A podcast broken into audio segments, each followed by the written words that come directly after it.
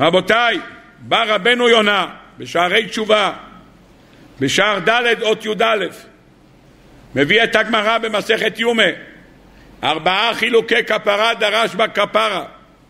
עבר אדם על מצוות עשה ועשה תשובה, מוחלים לו מיד.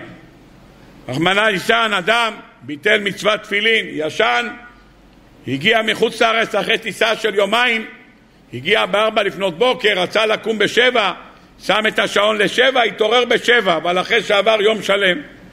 הוא יוצא בשבע עם התפילין מתחת למתחת שלו לבית הכנסת, הוא נכנס, הוא שומע, והוא אורח, הוא מכפר ולך, מה זה אורח הוא? היה בטוח שהוא יתעורר מיד בסיקין עכשיו.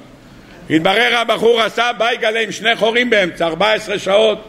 נו, מה עושה עכשיו? גם קרישמה, גם תפילה, גם תפילין. איי, יושב, מתחיל לבכות, ריבונו של עולם. שמתי שעון, לא הולך.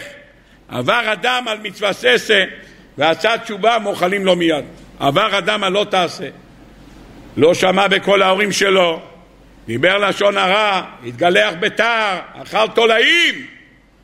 אומרת הגמרא, תשובה תולעה, ביום הכיפורים מכפר. עבר אדם על כורש וארבע מצשבז דין. תשובה תולעה, יום הכיפורים תולה ואיסורים מכפרים. אלוקים יצילנו. איסורים מכפרים. האדם עשה תשובה, עבר יום כיפר, הוא יודע עכשיו יבוא בומבה, יבוא איסורים. אומר רבנו יונה, ואם רוצה להימלט מן האיסורים, אתה רוצה לברוח? יש דרך לברוח. רבנו יונה, רבנו יונה מרבותינו הראשונים, שערי תשובה, ספר שבטח אתם במחזור השלישי.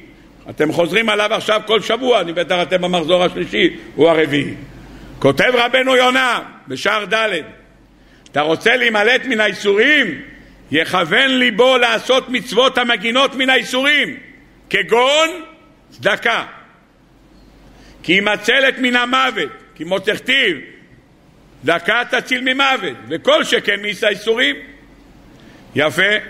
ומי שאין לו ממון, הוא רוצה לברוח מהאיסורים, אבל מה לעשות, אין לו כסף, הוא חי מקצבה חודשית של ארבעת אלפים שקל. הוא אין לו מה לתת, יכול לתת לך שקל. מה זה לתת צדקה? מה יעשה?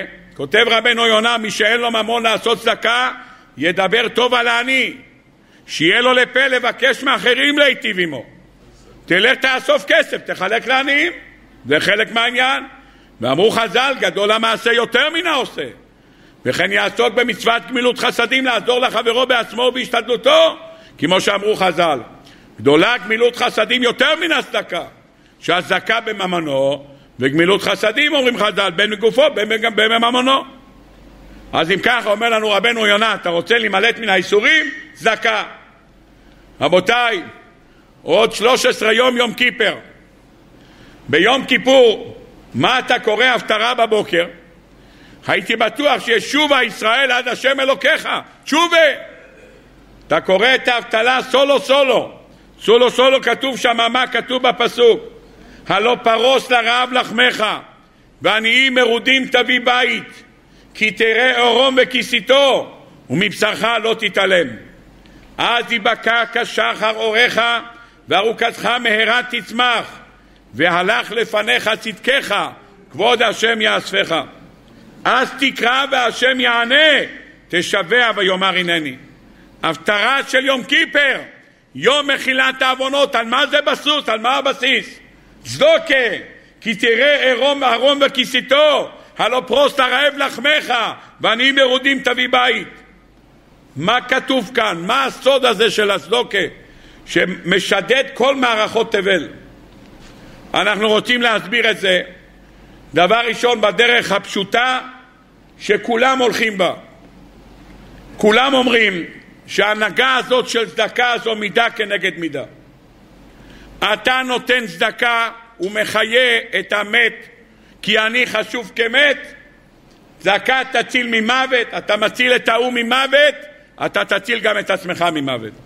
זה הנהגה של מידו כנגד מידו. אתה עושה, השם צילך על יד ימיניך, אתה נותן, הקדוש ברוך הוא אומר נותן לך.